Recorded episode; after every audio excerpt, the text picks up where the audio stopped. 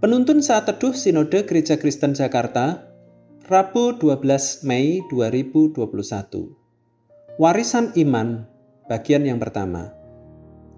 2 Timotius 1 ayat yang kelima berbunyi demikian, Sebab aku teringat akan imanmu yang tulus ikhlas, yaitu iman yang pertama-tama hidup di dalam nenekmu Lois dan di dalam ibumu Yunike, dan yang aku yakin hidup juga di dalam dirimu.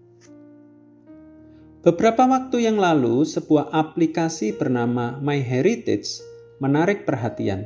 Aplikasi ini menjadi viral karena keunikannya, yaitu bisa mengubah foto menjadi video yang dapat bergerak.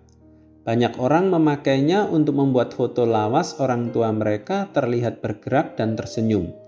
Banyak orang terharu sebab aplikasi ini seolah menghidupkan kembali kenangan bersama orang tua yang telah tiada. Salah satu warisan yang diberikan oleh orang tua Timotius adalah warisan iman. Itulah yang membuat Timotius menjadi pelayan Tuhan yang hebat.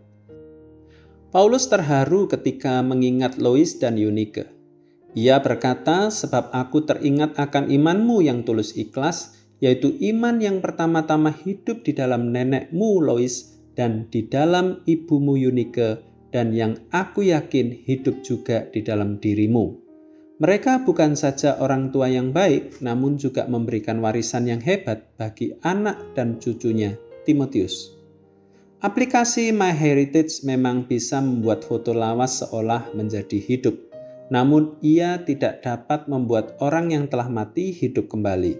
Seorang pendeta pernah bertanya kepada jemaat ketika sedang berkhotbah di rumah duka, "Tahukah Anda cara menghidupkan orang yang telah tiada?"